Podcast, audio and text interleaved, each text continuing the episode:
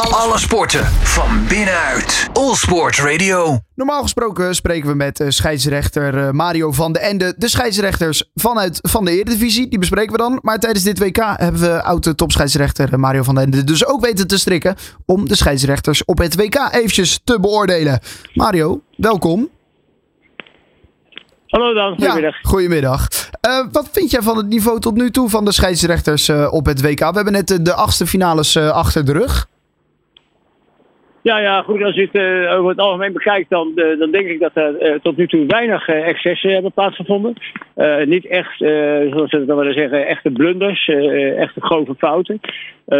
je ziet wel dat de VAR een enorm belangrijke rol speelt met het corrigeren van een aantal beslissingen. Ja. En, en, wat er van de week ook opviel was bijvoorbeeld dat de Duitse scheidsrechter Sieber, die werd naar de, naar de kant gehaald. Uh, door de VAR uh, op een vermeende strafschop, ja of nee, een wedstrijd van, van Uruguay. En, nou ja, en die weigerde toen met het advies van de VAR mee te gaan. En dat was eigenlijk tot nu toe in de samenwerking VAR-scheidsrechter het meest memorabele moment. Juist, oké, dus dat is jou wel, wel bijgebleven. Ja, ja, goed. Het, ik, kijk daar, ik kijk natuurlijk naar die wedstrijden als, ja. als voetballiefhebber en geïnteresseerde. Ja, en dan uh, noem het maar een beetje gedrags- en beroepsinformatie. Dat ik natuurlijk altijd nog uh, de scheidsrechters uh, en de assistent-scheidsrechters ook nog even bekijk. Ja, ja, ja daarom. Wat, ja, die, die, die VAR is dus zei, dit WK al belangrijk geweest. Al, die heeft vaak al ingegrepen. Ja, je ziet bijna elke wedstrijd dat een keer de scheidsrechter de gang naar de VAR moet maken. En ik heb wel eens het idee dat, dat veel scheidsrechters dat nog steeds zien niet als een echt vangnet, maar echt uh, op, weg naar, uh, uh, op weg naar het schafot. Dat ze denken, ja. oh, ik ben betrapt, ik heb een fout gemaakt. Maar, en, maar snap je dat gevoel af, van als ze? Als ik de kopjes zie. Ja, ik... Sorry, je, je, je, vroeg wat? Ja, ik zei, snap je dat gevoel van ze? Dat ze dan toch denken, ja, bedoel, je wordt toch teruggefloten. Ja, letterlijk en figuurlijk. Ja. Maar ja, kijk, iedereen is vooraf een enorme voorstander geweest vanuit de arbitrage om die VAR in te voeren ja, dan moet je natuurlijk ook er wel mee om kunnen gaan. Ja. Dan moet je er ook wel mee om kunnen gaan dat, uh, ja, dat je in een wedstrijd uh, 1, 2 en, en, soms zelfs drie keer naar het scherm wordt geroepen als jij gewoon mis zit. Ja, zo simpel is het. Ja, nou ja, en dus dan... het is een, een, een, een, duidelijke vorm van acceptatie. Ja, oké. Okay. we hadden natuurlijk een Nederlandse scheidsrechter op dit WK. Danny Makkely. Die, die al twee wedstrijden heeft, heeft gefloten. Nu een afwachting is of hij een kwartfinale mag gaan fluiten. Dat is nog niet bekend, hè? Nee, nee, nee vanmiddag om, om een uur of vijf. ja, dan zie ik meestal de aanstellingen voorbij komen. Maar ik heb het idee, kijk, je hebt natuurlijk vrijdag heb je dan de eerste twee wedstrijden Brazilië tegen Kroatië en Argentinië tegen Nederland. Ja.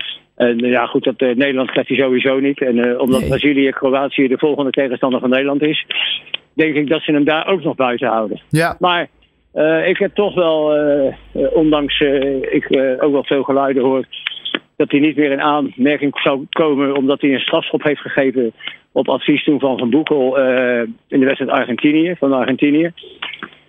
Ja, en ik denk toch dat, uh, ik denk dat hij er nog wel, wel, wel, redelijk goed op staat. Ondanks zijn tweede wedstrijd. Uh, uh, de eerste wedstrijd dat deed hij in mijn ogen uitstekend. De wedstrijd Spanje-Duitsland. Ja. Maar zijn tweede wedstrijd Argentinië tegen, tegen Polen, dat was. Dat, dat vond ik minder sterk. En, maar goed, dat heeft misschien ook te maken met een bepaalde spanningsboog. die vooraf heel erg opgeklopt was bij hem. En uh, dat hij kort daarna die tweede wedstrijd moest sluiten. Dat misschien daardoor de concentratie iets minder was. Of misschien ja, het, het, het, ja, het echte prikkel een beetje ontbrak. Maar misschien is dat inmiddels weer terug. En je krijgt natuurlijk in die kwartfinale straks ook nog een uh, wedstrijd. Frankrijk-Engeland. Ja, en, uh, en Marokko-Portugal. Mooie kwartfinales. Ja, dat zijn geweldige wedstrijden. Laat ik zo zeggen, geweldige affiches. Dus je moet altijd maar even afwachten of het natuurlijk uh, echt fantastisch wordt. Ja. Uh, want net als gisteravond dus zat ik me ook echt te verheugen op, uh, op Zwitserland tegen Portugal. En toen uh, heb ik me toch even vergist in de kracht van Portugal. Want dat was natuurlijk een, een kat-en-muisspelletje. Ja. Maar die wedstrijden die ik net noemde, zoals Frankrijk, Engeland, Portugal, Portugal Marokko. Ja, daar is hij volgens mij nog wel in de race. Ja, nou ja, het zou maar, ja, ja, inderdaad. Kroatië, Brazilië eh, lijkt lastig te worden. Omdat Nederland, eh, als we doorgaan, die halve finale tegen of Kroatië of Brazilië speelt. Ehm, hoop je dan toch als scheidsrechter zijn, het is natuurlijk een beetje een dubbel gevoel. Dan hoop je toch dat Nederland eruit wordt gegooid tegen Argentinië. Want anders zijn jouw kansen op een finale sowieso weg. Nou ja, goed, ik heb eh, ooit natuurlijk zelf twee WK's mogen fluiten. Ja, en dan was ik al dus, zo'n beetje de enige Nederlander. Die hoopte van, eh, dat, eh, ja, dat het einde oefening was voor Nederland. Want Ja. dat betekende dat mijn kansen eh, vergroot werden. Ja, Ja, en, en ik denk dat je zo egoïstisch als, als sportman wel mag en moet zijn. Want anders denk ik dat je ja, toch niet helemaal het goede hout bent gesneden. Hm, ja. Nou, wat verwacht je? Maakt Makkeli een kans om, om de finale te fluiten? Mocht Ja, Nederland dat, eruit gaan? Dat, dat is, dat is zo'n verschrikkelijk politiek doolhof waar die, eh, waar die dan uit moet komen. Dat- Eh, daar, daar- kijk, eh, er zijn eh, in de scheidsrechterscommissie van de FIFA zitten op het ogenblik drie Italianen. Daar is een, eh, een vicevoorzitter eh, uit Qatar. Dus eh, het zal me niet eens verbazen als daar bijvoorbeeld een eh, Aziatisch land, hè, dan hebben we het bijvoorbeeld over de, over de Iranese scheidsrechter die actief is op dit toernooi, ja. dat die straks ineens uit de hoge hoed worden getoverd om die finale te fluiten. Oké, nou ja, dat zou ook dan nog eh, eh, eh, kunnen inderdaad. Eerst maar eens afwachten wat Nederland tegen Argentinië doet. Mag ik jou dan toch een kleine voorspelling vragen? Nee, maar ik, ik geef Oh. Nederland wel eh 50% kans. Ja, 50% Dus gewoon, kans. dit, ja, jawel. En, kijk, ik, ik, ik hoor heel veel negatieve geluiden. En aan de andere kant denk ik van... als... ja, ik denk dat we in, alleen in Nederland zo super kritisch zijn. Eh, want, want in elk ander land... eh, daar, kijk, je zag gisteren... eh, hebben we... ja, helaas... zie je dus een aantal ontploffingen in grote steden als, als Marokko wint. Ja, Ja, als je dan gewoon ziet hoe die eh, de, de, de, de, de volgende ronde hebben gehaald met strafschoppen en met, met hangen en wurgen. Maar het is er wel gelukt. En als Ja. je dan de vreugde ziet, ja. ja, dan, denk, ik- dan denk ik van ja, wat, wat dat betreft zijn we in Nederland denk ik gewoon veel te kritisch. we mogen iets trotser zijn. Nou goed, 50% kans al dus Mario van de Ende dus. Eh, dankjewel voor nu eh, Mario. En eh, we gaan je uiteraard nog spreken later dit WK.